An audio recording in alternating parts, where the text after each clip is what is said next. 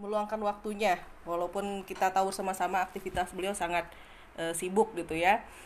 Baik, sebelum uh, kita mulai acara ini, marilah sama-sama teman-teman sekalian kita memulai uh, bersama dengan membaca Al-Fatihah. A'udzubillahiminasyaitonirrajim. Bismillahirrahmanirrahim. Alhamdulillahirabbil alamin arrahmanirrahim maliki yaumiddin iyyaka na'budu wa iyyaka nasta'in ihdinas siratal mustaqim siratal ladzina an'amta 'alaihim ghairil maghdubi 'alaihim waladdallin amin. Oke, sebelumnya perkenalkan nama saya Putih. Um, saat ini saya diamanahkan menjadi host untuk acara ini. Biasa kayak dari dulu ya, di Pokma suka jadi host juga. Uh, beliau ini Kak Kori sebenarnya uh, ketua kami dulu ketika di Fokma yaitu uh, salah satu persatuan muslimah Indonesia di Malaysia. Sebelumnya saya akan membacakan biodata singkat beliau, walaupun singkat tapi panjang ya. Uh, Kak Kori kelahiran 88 dan sekarang berada di Bogor ya, tepatnya beliau lagi menjadi dosen di UIK dan juga research fellow di Basnas gitu.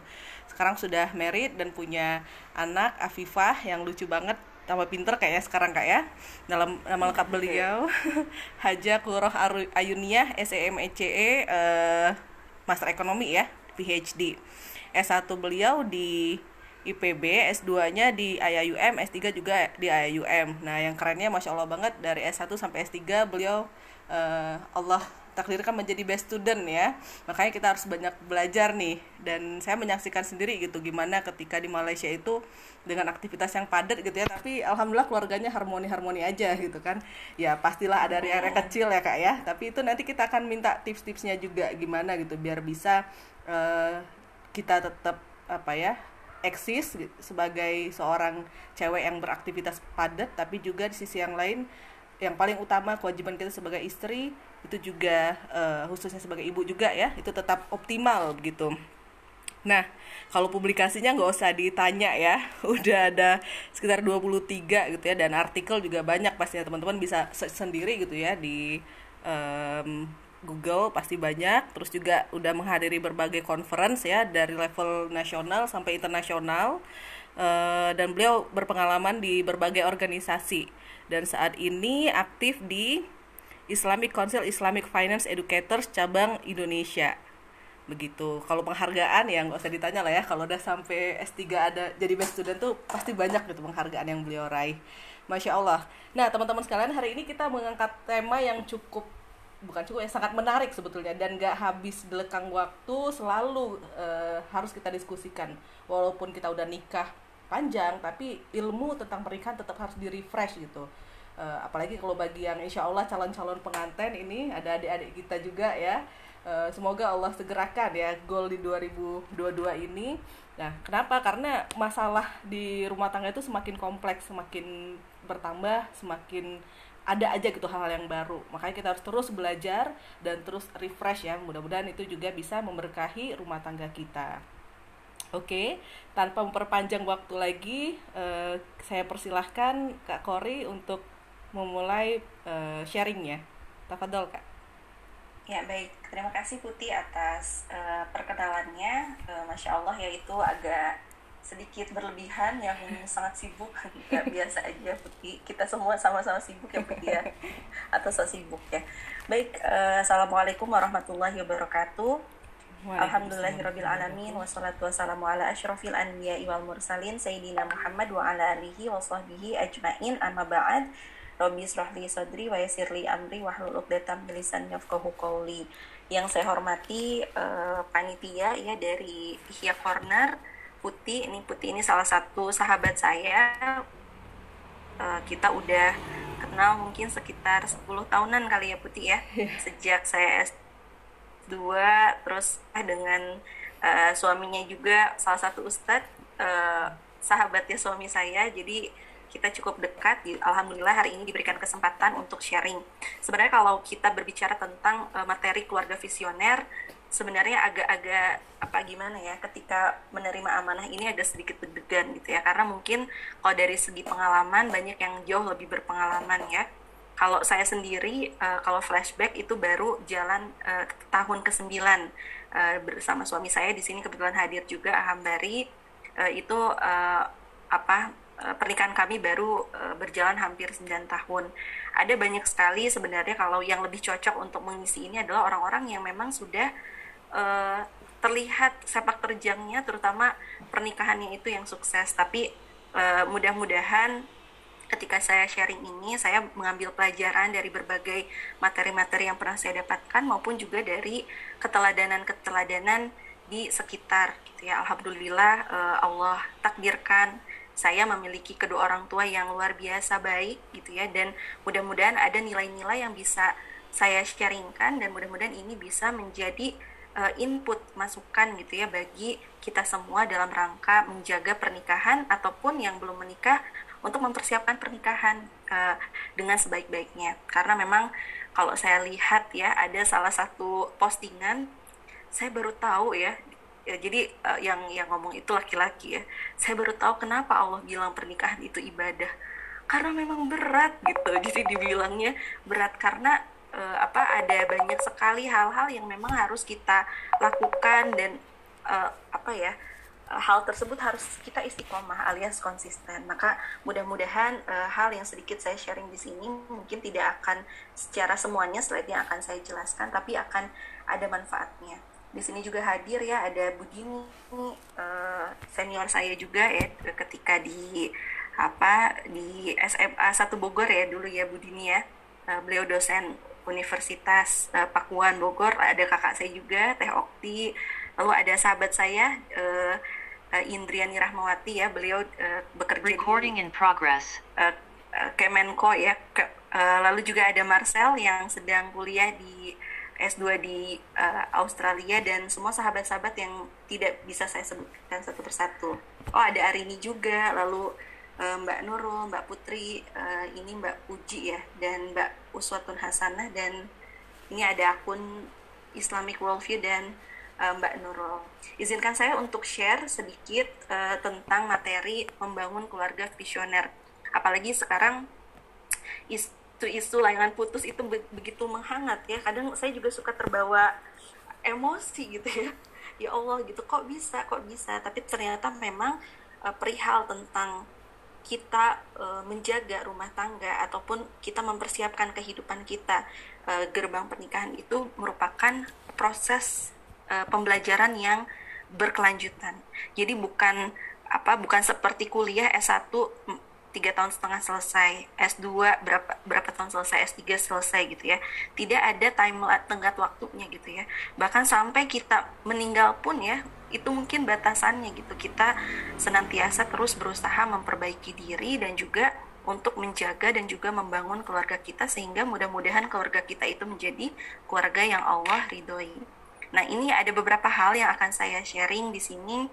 Pertama terkait dengan esensi keluarga itu sendiri, lalu kaitannya bagaimana sih kita berusaha untuk membangun keluarga yang visioner dari beberapa materi yang saya dapatkan dan juga beberapa keteladanan keseharian yang saya saya lihat dan beberapa ustadz-ustadz yang memang sudah terlihat gitu ya bahwa rumah tangganya itu baik, memiliki anak-anak yang luar biasa. Dan yang terakhir adalah kesimpulan. Baik, terkait dengan esensi keluarga, saya mau tanya dulu nih. Nah, kalau nggak ada yang jawab, mungkin Putih ya. Ini kita sering dengar nih ya, keluarga yang baik itu akan menciptakan masyarakat yang baik pula. Setuju atau tidak? Jadi ternyata keluarga itu akan mempengaruhi kondisi suatu masyarakat. Ya, gimana teman-teman ini banyak yang di chat setuju katanya Kak. Setuju, iya. Hmm. Uh, Marcel dan Teokti ya setuju. Hmm. Iya. Ada yang manggut-manggut juga, Nurul juga. Iya.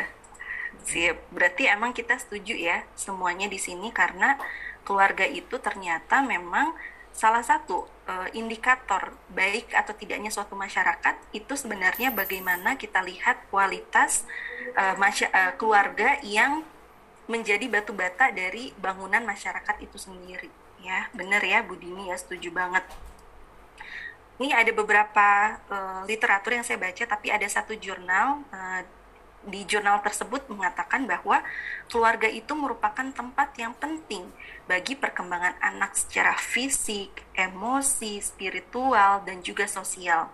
Karena keluarga merupakan sumber kasih sayang, perlindungan, dan identitas bagi para anggotanya. keluarga yang menjalankan fungsi yang penting bagi keber keberlangsungan masyarakat dari generasi ke generasi. Jadi luar biasa gitu ya. Memang antara kaitannya keluarga dan masyarakat secara keseluruhan dan bahkan nanti sampai ke level yang lebih e, besar lagi itu sangat berkaitan erat. Yang artinya kalau kita menginginkan masyarakat yang baik, lingkungan keluarga kita, lingkungan tempat anak-anak kita tumbuh baik, itu juga sebenarnya pembinaan tersebut harus dimulai dari keluarga. Karena apa? Karena memang keluarga itu adalah e, amanah dari Allah. Kalau kita belum menikah juga bahkan e, saudara-saudara kita dan juga orang tua kita, kalau misalkan mereka belum memahami tentang agama, itu juga menjadi tanggung jawab kita. Karena kalau kita lihat step-stepnya e, dimulai dari perbaikan diri. Kita memperbaiki diri kita ya, sambil kita terus memperbaiki keluarga yang nantinya kalau misalkan keluarga-keluarga yang memiliki mindset seperti ini bahwa perbaikan masyarakat itu dimulai dari perbaikan keluarga itu banyak jumlahnya, maka dengan sendirinya itu akan menciptakan masyarakat yang baik pula. Tapi tentu saja ini bukan uh, proses yang instan ya sehari jadi setahun jadi enggak ya ini pasti proses yang berterusan apalagi ditambah sekarang kan betapa banyak tantangan ya uh, tidak hanya uh, dari internal tapi juga eksternal. Bagaimana uh, apa namanya banyak sekali pihak-pihak yang ingin sekali mendegradasikan ya uh, apa namanya uh, fungsi keluarga ini sendiri. Nah dari perbaikan masyarakat nanti insya Allah ya kita jangan pesimis ya. Insya Allah nanti negara juga akan uh, apa baik dan mudah-mudahan nanti akan uh, terjadi perbaikan dunia ya. Jadi mudah-mudahan kalau misalkan kita mulai dari apa yang bisa kita lakukan harapannya kita akan berkontribusi pada level yang lebih besar lagi jadi jangan sampai kita mengecilkan ya fungsi perbaikan diri fungsi perbaikan dari keluarga bahwa itulah salah satu kontribusi nyata kita bagi lingkungan sekitar. Nah, kenapa e, hal ini sangat berkaitan ya? Karena memang Allah Subhanahu wa taala sendiri itu kan telah memberikan kepada kita amanah berbagai macam peran ya e, ketika kita hidup ya. Yang pertama adalah peran kita sebagai hamba Allah ya. Ini ada di surat Az-Zariyat ayat 56 yang Allah apa menyebutkan bahwa memang e, Allah tidak menciptakan jin dan manusia kecuali untuk beribadah kepadanya. Lalu peran kita sebagai anak dari kedua orang tua kita itu juga merupakan peran yang sangat penting ya uh, dan ada ada ber, berbagai macam ayat-ayat ya ataupun uh, apa namanya hadis ya yang menyatakan betapa sangat utamanya kita berbakti kepada kedua orang tua kita ya uh, bagaimanapun selain memang karena izin Allah kita lahir ke dunia ini adalah karena jasa dari kedua orang tua kita ya lalu yang ketiga adalah peran kita sebagai uh, suami atau istri. Nah, ini juga merupakan peran yang merupakan apa ya ibadah yang berterusan ya. Karena kita bagaimana caranya kita membangun keluarga yang baik yang harmonis itu kalau misalkan kita tidak menjalankan peran kita sebagai suami ataupun istri dengan sebaik-baiknya. Ya ini ada sebuah hadis ya. Eh, seorang mukmin tidak memperoleh kemanfaatan setelah bertakwa kepada Allah yang lebih baik selain istri yang solihah jika suami menyuruhnya, dia taat. Jika dipandang, dia menyenangkan. Jika ia bersumpah kepadanya, dia mengiyakan. Dan jika suami pergi jauh, maka dia memelihara diri dan harta suaminya. Ya, jadi ada begitu banyak e, potensi ibadah yang luar biasa ketika kita memang menjalani peran kita sebagai seorang suami maupun istri.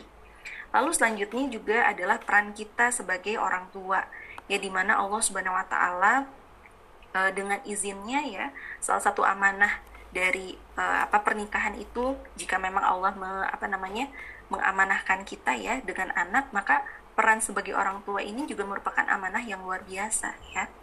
Ibu adalah madrasah pertama bagi anak-anak kita ya. Mulai dari uh, madrasah itu kan ibaratnya seperti sekolah ya memberikan be be berbagai macam pendidikan yang luar biasa kepada anak-anak kita ya ter termasuk ruhiahnya mereka, akalnya mereka, dan juga jasadnya mereka, itu juga menjadi tanggung jawab orang tua bagaimana menjaga anak-anak kita. Lalu juga ayah, kalau ibu adalah madrasah pertama, maka ayah itu adalah kepala madrasahnya. Dia yang akan menentukan visi sekolahnya itu mau ke mana. ya terus kemudian dia juga yang bertanggung jawab uh, menjadi uh, pemimpin ya di sekolah tersebut lalu yang terakhir adalah uh, amanah atau peran dari Allah itu sebagai bagian dari masyarakat.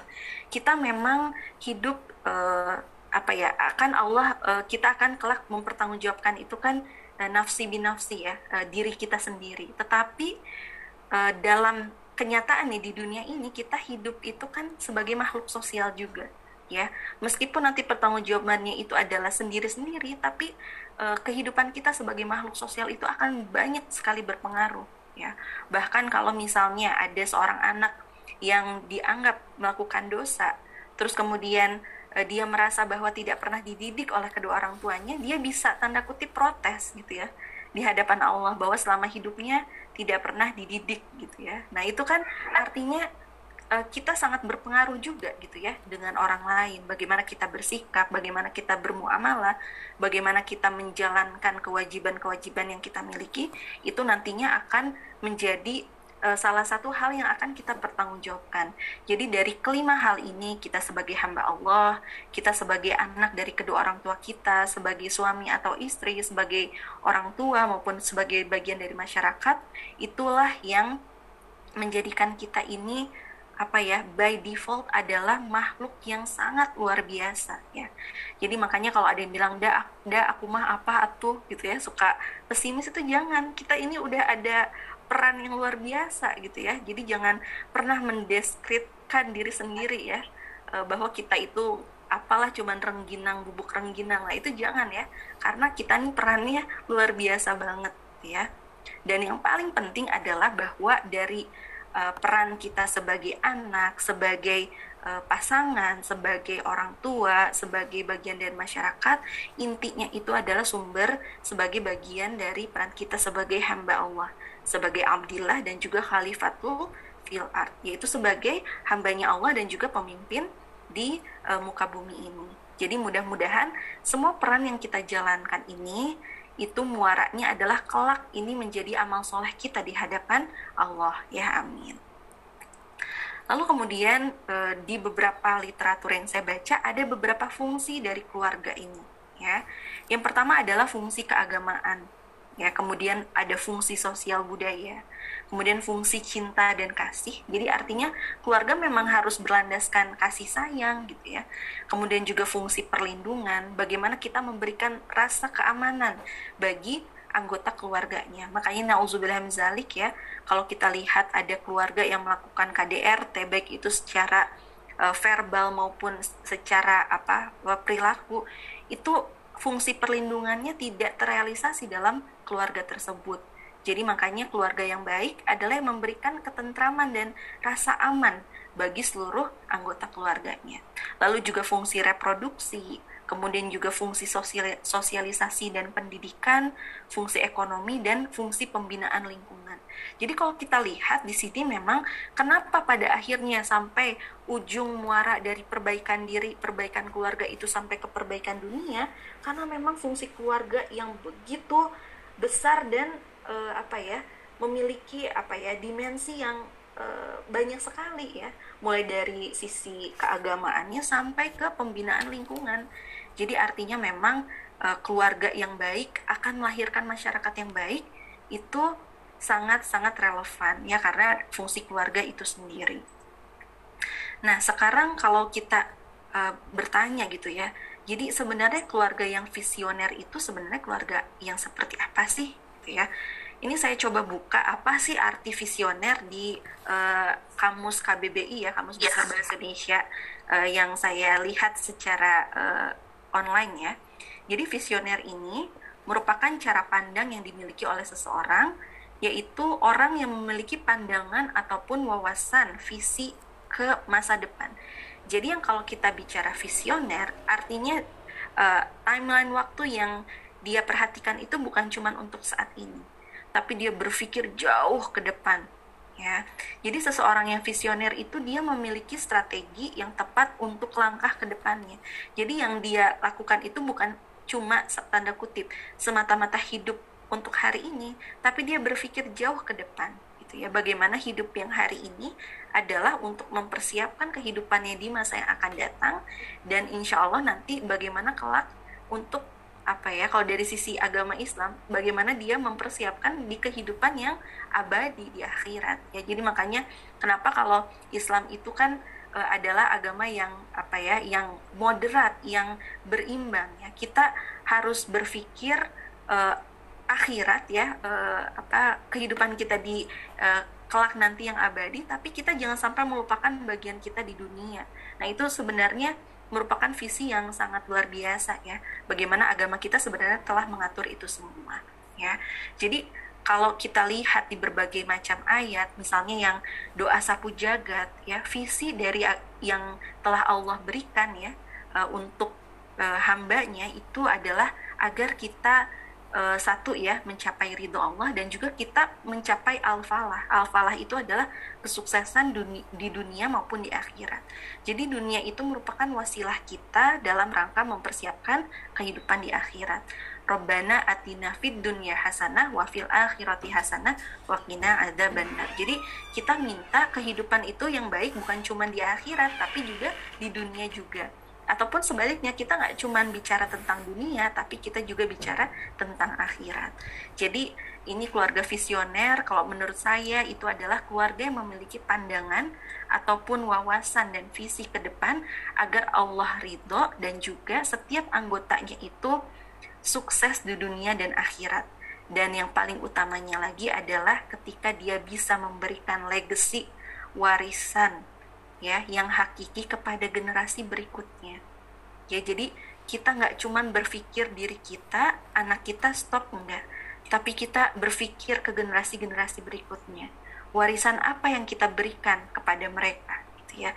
Dan tentunya warisan yang abadi itu bukan eh, yang sifatnya material semata tapi juga terutama adalah bagaimana value nilai yang bisa kita wariskan ke generasi-generasi berikutnya Makanya ini kenapa di surat At-Tahrim ya ayat 6 itu kita diperintahkan jangan sampai kita masuk ya, kita dan keluarga kita ya masuk ke dalam neraka yang bahan bakarnya adalah manusia. Nauzubillah zalik ya.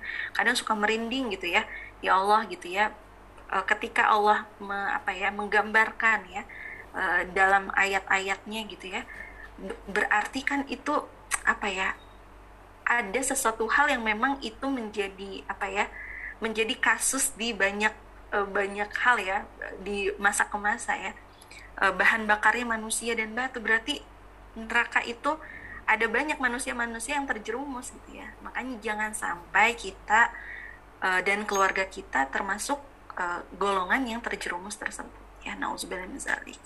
Nah sebenarnya menciptakan keluarga visioner itu indikatornya adalah sama halnya ketika kita berusaha menciptakan keluarga kita adalah keluarga yang sakinah ya. E, jadi e, kalau misalkan kita lihat gitu ya di Al-Qur'an itu ini yang sangat ayat yang sangat apa yang sangat terkenal ya mungkin terutama kalau kita lihat undangan ya uh, mohon doa restu dan 200 ribu ya ini biasanya pasti selalu diawali dengan ini. Padahal ayat ini tuh luar biasa ya maksudnya uh, bukan cuma semata-mata pajangan aja di apa kartu undangan pernikahannya tapi maknanya ini luar biasa ya. Uh, mungkin sebagian besar kita hafal ya karena uh, apa namanya ini apa ya sangat dekat gitu ya dengan kita ya wa min ayatihi an khalaqalakum min anfusikum azwaja litaskunu ilaiha wa ja'ala bainakum mawaddatan wa rahmah inna fi dzalika la ayatil liqaumin yatafakkarun ya. dan di antara tanda-tanda kekuasaannya ialah dia menciptakan untukmu istri-istri dari jenismu sendiri supaya kamu cenderung dan merasa tentram kepadanya dan dijadikannya di antaramu rasa kasih dan sayang. Sesungguhnya pada yang demikian itu benar-benar terdapat tanda-tanda bagi kaum yang berpikir. Ya, jadi kata-kata sakinah yang ada di apa ya surat Ar-Rum ayat 21 ini uh, menyebutkan ya Allah Subhanahu wa taala menyebutkan tujuan diciptakannya pasangan ya istri adalah untuk membentuk keluarga yang sakinah, bahagia, harmonis, tenang, tentram, penuh kasih sayang. dari uh, satu kajian saya dapatkan ya bahwa kata sakinah itu dari asal katanya itu sikin. Sikin itu artinya tajam ya. Ternyata makna di balik ini semua uh, sakinah itu bukan berarti keluarga yang tanpa ada masalah gitu ya. Karena kan tentram ya, tenang, harmonis, uh, seolah tanpa masalah padahal bukan itu maknanya ya. Makna sikin di sini tajam adalah ketika apa pun masalahnya dia bisa mencari solusinya ya. Jadi itu bukan berarti keluarga sakinah itu yang tenang ya. Uang banyak anak baik ya. Mau apa-apa ada ya. Terus kita tinggal tidur aja ngerimpuk di atas tempat tidur nggak gitu ya. Bahwa keluarga sakinah itu adalah keluarga yang memberikan ketentraman apa pun challenge ataupun tantangan yang dihadapi. Saya yakin ya apa pun bentuknya setiap manusia itu pasti punya tantangan dan ujian yang Allah berikan ya. Dan itu semuanya tuh Allah berikan itu sesuai dengan kapasitas uh, bagaimana kita menerimanya. Ada yang diuji dari sisi misalkan dari sisi materinya kekurangan. Ada yang diuji dari sisi misalnya kelebihan harta itu juga ujian ya. Karena apa? Karena bagaimana kita bersyukur ya. Bersyukur kepada Allah itu juga merupakan ujian ujian kesyukuran kita. Ada yang misalkan dengan diuji dengan sakit ya atau diuji dengan hal lainnya ya. Baik itu yang sifatnya hal-hal yang kita anggap buruk ataupun hal-hal yang kita anggap baik itu sebenarnya adalah ujian dari Allah.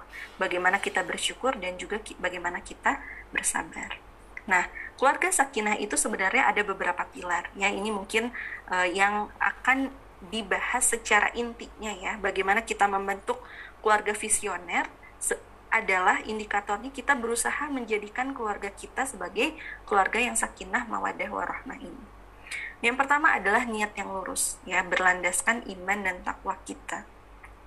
Ya karena bagaimanapun ya, kalau ibadah itu kita niat eh ibadah lagi, pernikahan itu kita niatkan sebagai ibadah, mudah-mudahan apa pun yang kita lakukan, apa pun yang kita alami eh, ketika kita berumah tangga itu menjadi bagian dari amal soleh kita, bagian dari uh, manifestasi ya kehambaan kita kepada Allah Subhanahu Wa Taala. Ya, uh, barang siapa yang bertakwa kepada Allah, niscaya dia akan membuka jalan keluar baginya. Jadi apa pun uh, berbagai macam tantangan yang mungkin dihadapi atau sedang dihadapi dalam sebuah rumah tangga, itu mudah-mudahan karena niat yang lurus ya berlandaskan iman dan takwa itu akan ada solusi-solusinya. Makanya kalau kita lihat ya eh, apa kasus-kasus layangan putus ya pelakor pebinor ya lain sebagainya itu sebenarnya berbagai macam tantangan dan ujian gitu ya. E, merupakan salah satu bentuk tantangan dan ujian. Mungkin ada juga tantangan-tantangan lain ya karena namanya hidup ya itu begitu kompleks ya betapa Allah itu masya Allah ya uh, ada banyak sekali uh, ujian-ujian tetapi di satu sisi Allah sendiri yang akan menawarkan solusinya ketika kita memang niat melakukan apa pun itu karena ibadah kepada Allah. Uh, ini ada di surat Al-A'raf ya ayat 96 yang artinya dan sekiranya penduduk negeri beriman dan bertakwa pasti kami akan melimpahkan kepada mereka berkah dari langit dan bumi. Ya. Jadi makanya kita harus berusaha ya menjadi orang yang beriman dan bertakwa. Salah satunya itu adalah untuk mengundang rahmat dan ridho dari Allah. Mungkin ya kalau misalkan kita merasa kok hidup kita e, tidak menenangkan itu mungkin kita harus senantiasa memperbaiki diri kita keimanan kita ya mudah-mudahan dengan kita senantiasa memperbaiki diri ya dan keluarga kita e, kita akan mengundang keberkahan dari Allah Lalu yang kedua adalah rumah tangga yang akan bahagia, akan bahagia ketika suami istri itu eh, sama-sama saling men menjalankan kewajibannya itu dengan penuh rasa tanggung jawab. Ya, misalnya ini di surat An-Nisa ayat 24, ya Allah Subhanahu wa taala itu mengatakan bahwa laki-laki atau suami itu merupakan pelindung bagi istri, ya. Nah, oleh karena itu sebenarnya ya inti dari ajaran agama kita itu bukan kita itu me, apa ya meminta hak asasi manusia sebenarnya. Karena apa? Karena sebenarnya yang harus kita perhatikan adalah apa yang menjadi kewajiban kita. Karena kalau seseorang yang apa e, berusaha untuk melaksanakan kewajibannya dulu, cepat atau lambat dia akan mendapatkan haknya, gitu ya. Jadi insya Allah kalau kita berusaha menunaikan apa yang menjadi amanah kita, nanti yang menjadi hak kita cepat atau lambat pasti akan Allah berikan, gitu ya. Nah inti dari kewajiban suami itu ada dua ya. Yang pertama adalah sebagai kudwah pemimpin, pengayom bagi keluarganya. Dan yang kedua adalah memberi nafkah lahir dan batin. Dan kewajiban istri yang tentu saja ini harus ada kerjasama dengan suami ya. Pertama adalah patuh dan tunduk kepada suami selama ya uh, itu berada dalam koridor ketakwaan. Kalau suaminya menyuruh kepada maksiat atau suaminya menyuruh kepada hal-hal yang tidak benar yang tidak sesuai dengan syariat tentu saja itu uh, tidak ada tidak ada kepatuhan dalam hal maksiat gitu ya. Uh, jadi itu yang pertama. Lalu yang kedua adalah mengasuh dan juga mendidik uh, anak tetapi tentu saja ini harus di uh, lakukan kerjasama dengan suami ya. Jadi uh, apa namanya kewajiban untuk mendidik uh, anak itu adalah tanggung jawab uh, berdua. Dan tentunya menangani urusan rumah tangga domestik rumah tangga yang juga dilakukan secara bersama-sama. Jadi insya Allah kalau kita bersama suami kita ya bersama dengan istri kita itu melakukan kewajibannya dengan penuh kesadaran insya Allah gitu ya hmm, keluarga sakinah mawadah warahmah itu akan uh, tercapai. Ini ada beberapa hak ya uh, antara suami dan istri uh, satu sama lainnya. Tadi itu kewajiban. Insya Allah kalau kewajibannya kita kita apa nama kita tunaikan, maka ada hak-hak yang uh, didapatkan ya. Yang pertama haknya itu adalah hak diperlakukan dengan lembut. Ya, jadi memang uh, apalagi kalau apa yang agak sedikit suka ngegas gitu ya. Jadi itu ini merupakan satu challenge juga ya. Bagaimana kita memenuhi hak suami untuk diperlakukan dengan lembut ya. Kemudian juga hak mendapatkan kasih sayang ya. Kemudian juga hak mendapatkan keturunan, lalu juga percaya dan berprasangka baik ya. Oh, jadi nggak curigation terus gitu ya, tapi satu sisi saling menjaga kepercayaan, kemudian juga berempati dalam suka dan duka, kemudian hak untuk berdandan jadi kita uh, apa namanya berhias diri itu bukan hanya ketika kita keluar rumah tapi ketika kita bersama dengan suami ya berhias diri sesuai dengan ya yang uh, pasangan kita senangi gitu ya. Kemudian juga hak untuk berhubungan seksual dan juga hak-hak hiburan. Ya jadi inilah yang menjadi uh, hak bagi pasangan kita. Nah memang uh, apa ya uh, taat apa perihal taat dan patuh pada suami itu merupakan uh, ini ya bagi perempuan karena ini kebanyakannya perempuan ya ini merupakan challenge yang luar biasa gitu ya. Karena uh, mungkin uh, kita apalagi yang apa uh, apa namanya yang juga apa ya punya misalkan cara pandangnya agak berbeda gitu ya. Misalkan uh, suami di, di didikannya seperti apa dengan keluarganya seperti apa terus kita dididiknya seperti apa. Ada perbedaan nah itu memang harus banyak adjustment atau harus banyak saling mengalah ya. Dan ini di hadis riwayat Ahmad ya apabila seorang wanita mengerjakan sholat lima waktu yang wajibnya aja ya. Nggak nggak harus ditambahin yang sunnah sunnahnya kemudian puasa di bulan Ramadan ya uh, yang wajibnya aja. Uh, apalagi kalau ditambah yang sunnahnya ya. Kemudian dia menjaga dirinya menjaga kehormatannya dan terakhir dia taat dan patuh kepada suami maka dia akan masuk surga dari pintu mana saja yang dia inginkan ya. Uh, kalau ayah saya mengisi uh, bab pasal ini ya uh, ibu-ibunya suka bilang iya nomor satu dua tiga insya Allah. Tapi justru nomor empat yang paling susah gitu ya.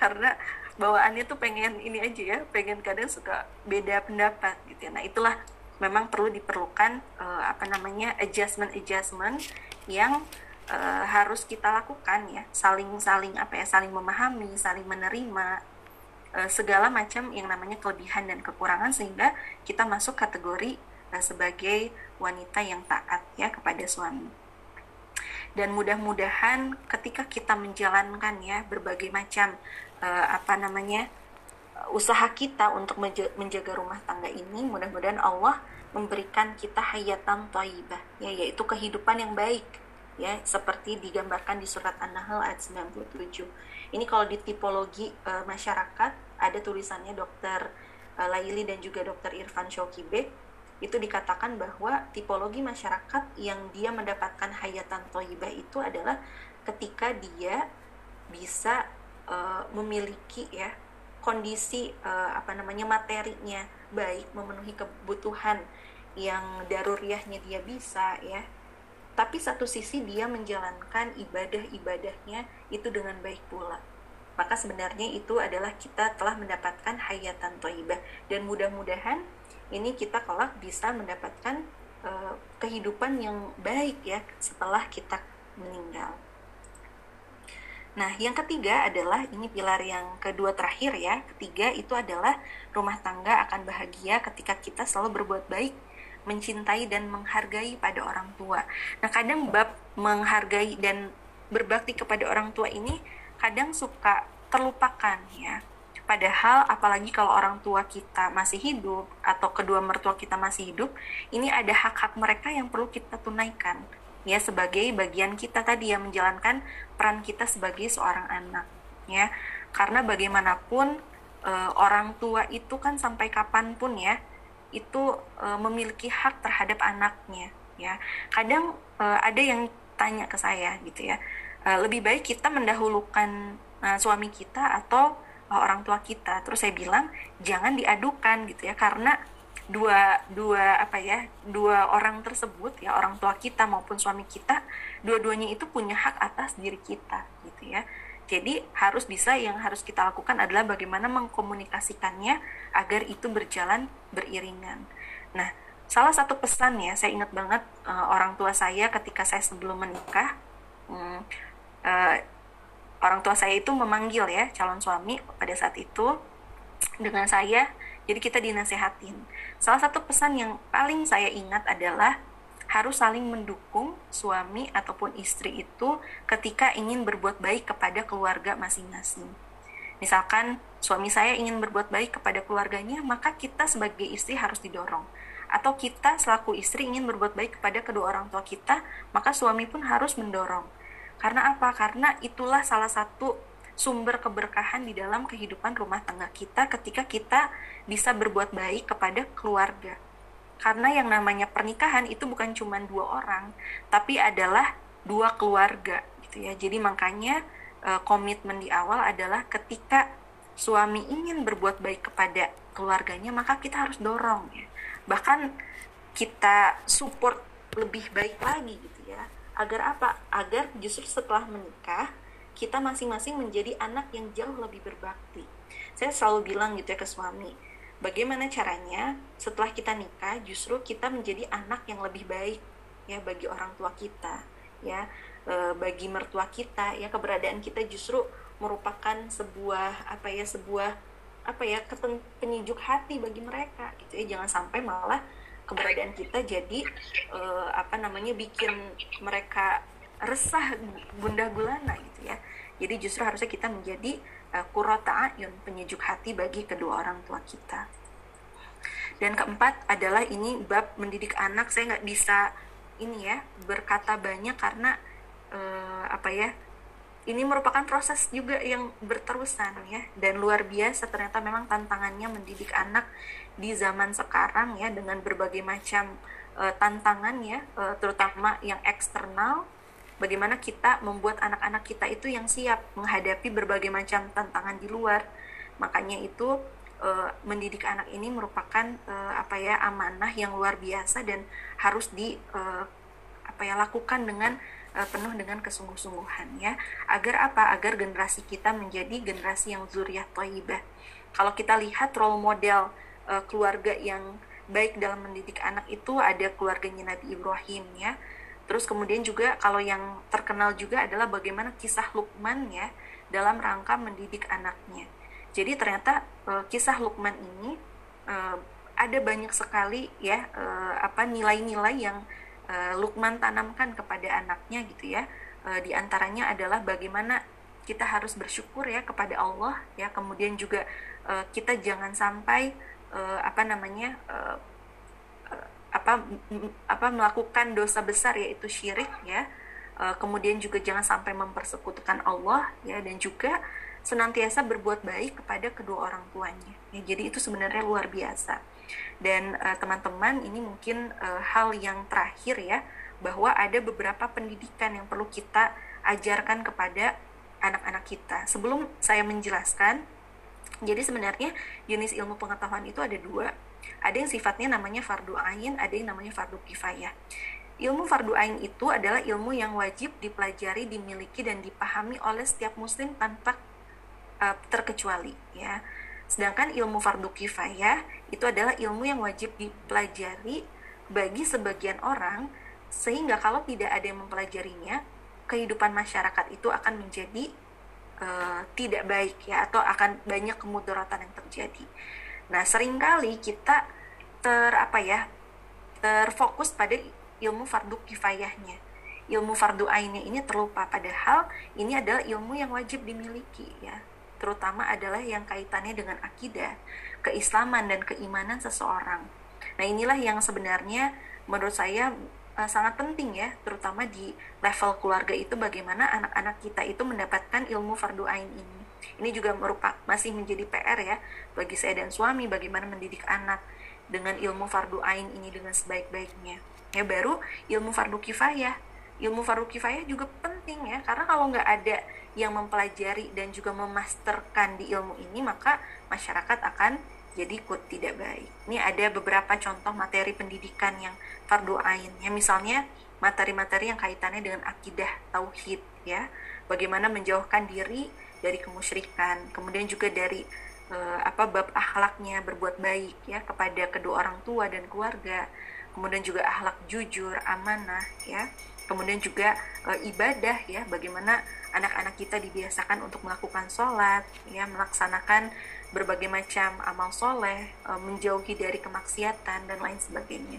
Lalu juga e, bab akhlak ya bermuamalah dengan baik ya kepada orang lain itu mungkin dapat kita coba tanamkan dari sejak dini bagaimana e, anak-anak kita adalah anak-anak yang memang memiliki akidah, ibadah dan juga akhlak yang kuat dan juga tentu saja Al-Qur'an ya karena Al-Quran itu menjadi pedoman kita yang sampai kapan pun akan kita perlukan agar hidup kita itu lebih terarah. Mungkin demikian Putih uh, dari saya uh, ada beberapa kesimpulannya. Yang pertama bahwa memang keluarga itu memiliki peranan yang penting dan juga ini akan menentukan baik buruknya masyarakat dan bahkan nanti level yang lebih tinggi lagi. Dan keluarga yang visioner itu adalah keluarga yang memiliki visi. Tidak hanya untuk kehidupan di dunia saat ini tapi juga kelak kehidupan di akhirat dan untuk generasi-generasi selanjutnya. Dan indikator keluarga yang visioner itu adalah bagaimana ikhtiar keluarga tersebut menjadikan keluarganya sebagai keluarga yang sakinah mawadah warohmah sehingga uh, mudah-mudahan tali persaudaraan itu tidak cuma hanya ada di dunia tapi juga kelak di yaumil akhir. Demikian wallahu alam bisawab. Terima kasih atas waktunya. Mohon maaf apabila ada kekurangan. Saya kembalikan ke Putih. Wabillahi taufik walidayah. Assalamualaikum warahmatullahi wabarakatuh.